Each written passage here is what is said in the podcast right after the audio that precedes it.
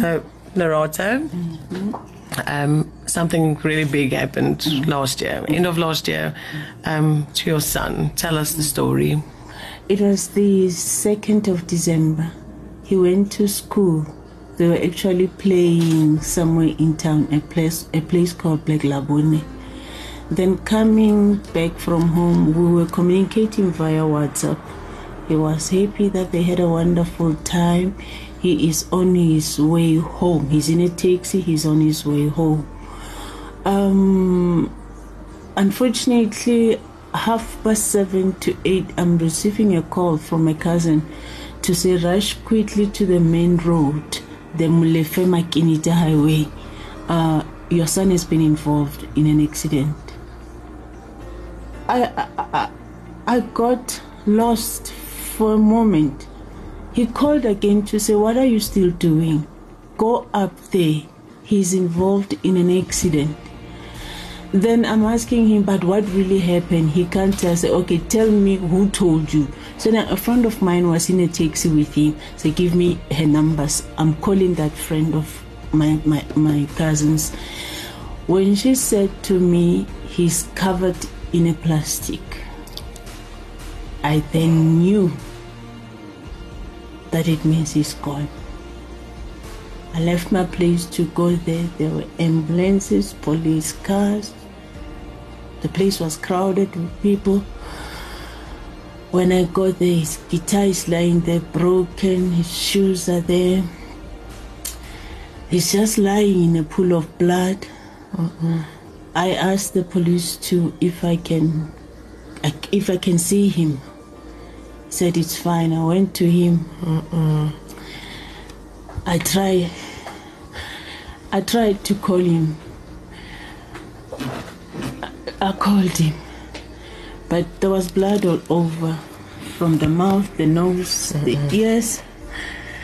You could see that his hand is broken. He's just lying there, no longer living. But by then, I didn't know what to say, who, who to talk to. I just stand and tell that policeman, say, please, please take care of him. He's the only child I've ever had. And uh, we waited from that time for the police and everyone and everyone forensic to finish. They only pick them up at quarter past three in the morning. We were just in the street because I couldn't leave. I'm asking myself if I leave, how do I leave him lying there? Mm-hmm. I can't. I just have to wait for them to finish whatever they were doing.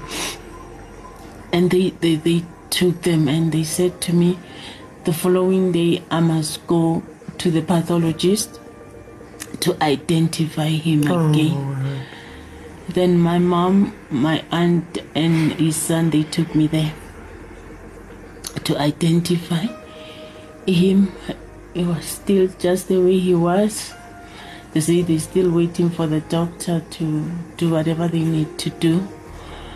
And they gave me the worst part is when you get there, sometimes they just call them suddenly with numbers, body number, mm, triple one nine, and you're asking yourself, but it's not a body number.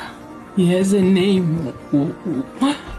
Can't you call him by his name at least? Not so. Said his body number one triple nine, and they said to me, "It's fine." From there, when they finish, they will call now the mortuary to come and pick him up from them, and then I'll go again to identify him for the third time. At the hmm. mortuary, I went. They called to say he is back. They've got him. I must come. My family took me there again, and they brought him to me. He was just sleeping again. For the third time. For the third time, I'm looking at his body. He's not responding to me. He's not moving. when I had to sign papers that when they declare him dead, I was asking myself, is it really true that I'm I'm signing papers that my son is dead? Oh, How do how do I sign those papers? So, Lerato, you've been through a terrible ordeal. Tell us about your son. What what Oh. type of person was he? Very lovely, very gentle spirit. He has never disrespected me, not even once. Oh, I can shout, I can yell at him. Oh. He will never answer me. oh Lerato, so that is the thing. You had to go identify his body three times, and after that, then comes the funeral arrangements. How did that go? And you're, and, and still you don't know. Do you be ang- Are you angry? Are you sad? what what do you make of this? What happened? So, I, I couldn't I couldn't tell anybody whether I'm I'm angry or I'm sad. I, I felt lost, mm. as though I've been programmed to do everything. Mm-hmm. That mm-hmm. myself, I'm not alive, but I can take this and put it there. How mm-hmm. I don't know. oh, well, and uh, I had to, when I had to pay the mortuary, the insurance were taking me from pillar to post. I then called Zelda and doctor. They said, "Don't worry. oh, In ten minutes' time, we're giving you that money." oh, wow, And they did. Oh, wow, oh, wow. Zelda and doctor would send me messages, praying for me, even talking to other doctors to help me. And it was because of them.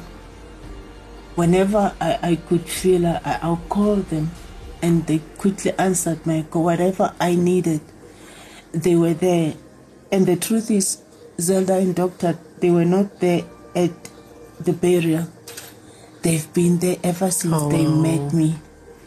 They were the ones who were paying for his mm. transport and everything. Mm-hmm. We, where we are sitting, they always give us clothes, food to eat. I've never heard them saying, "We're paying for you." Uh-uh. Anything should always think Lerato, Lerato this, Lerato that. So that's why even today when she said we're going somewhere, I said we're not going anywhere. Oh, Lerato, because they love you so much. Because I know the Mm, love they love you so much. me. Lerato, so whilst you're still dealing with this um, big, big, big heartache, um, something happened in January as well. Yeah. Tell us about the 17th of January. I was coming back from work. My gates are wide open. I thought it's my younger sisters because I've given them the spare keys. So I'm even saying, but why is she leaving the gates open? Getting home, I'm with a colleague. Uh, surprisingly, the butler door has been broken. Then the butler door, when I get inside, my house is cleaned up. And not clean in the way we like it. Not, not Nee. Lerato. yeah, they, whether it's they, whether it's her, him, I don't know, managed to help himself or themselves with the furniture that I had in the house.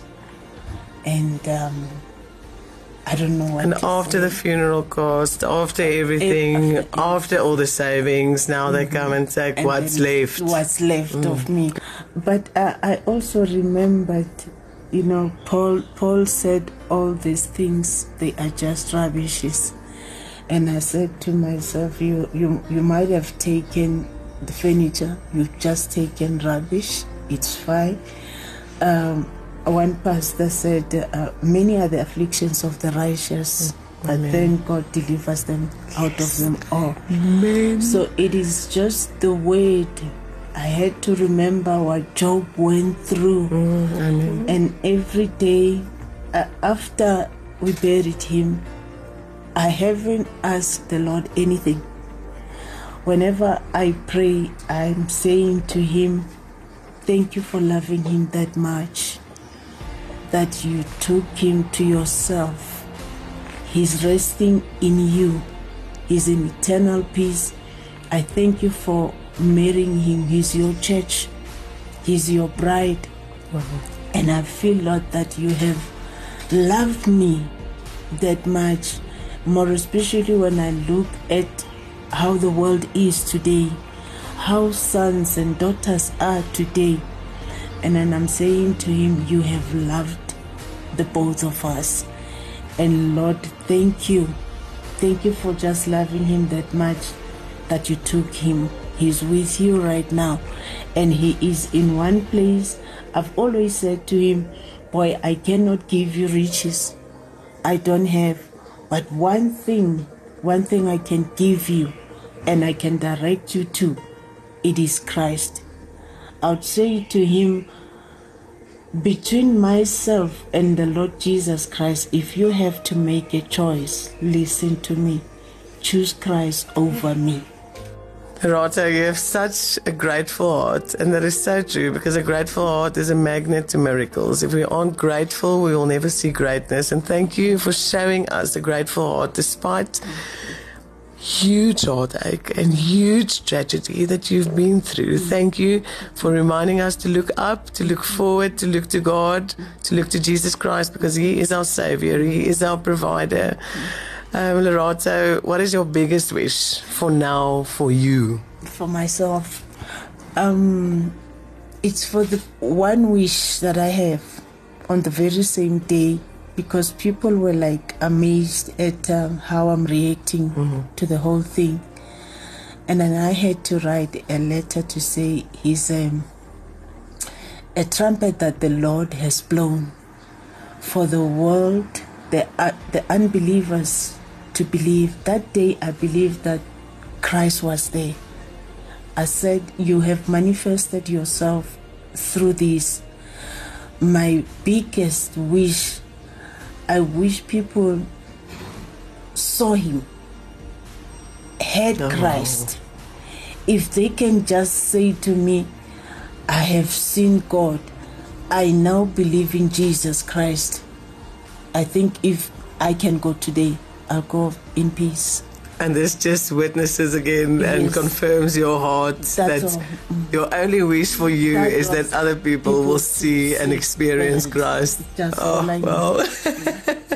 Celerato. Um, when Zelda shared your story with us and told us what an exceptional, exceptional human you are, and we can see that with our own eyes today, and what a privilege um, it immediately touched us. And with help from our family at SPAR, um, we would like to bless you with a thousand five hundred rand SPAR grocery voucher. Thank you so much. And I know you need the cleaning products as well as you said, and you're moving into a new, safer place. Mm-hmm. Um, so that will help with that. Thank that. You. I appreciate it. oh, it. Shame, Zelda. Oh, yeah, mm-hmm. that just touched us so much. So thank you, Zelda. Mm-hmm. Um, and thank you, Lorato. And Lorato, um, so that's not all. Mm. Uh, we know you had to use your savings for your son's funeral, mm. um, and that you um, are moving into a safer home. Mm. Um, so we would also like to give you um, from donations that we also get from community. Okay. We would like to give you ten thousand rand. Man. Oh my. So Lorato. Um, we shared your story with our friends at EcoMed Medical, and they were also deeply touched. And they would like to add a further 10,000 Rand for you, Lorato, just to say thank you. Thank you for what you've been doing. Thank you for the inspiration that you've you've been to us and to our community. So you, we know we can't replace everything that you've lost, but here is something that you can that you can replace. Go build your home, go build your life, and carry on where you left off because you have never left. Thank you, Lorato.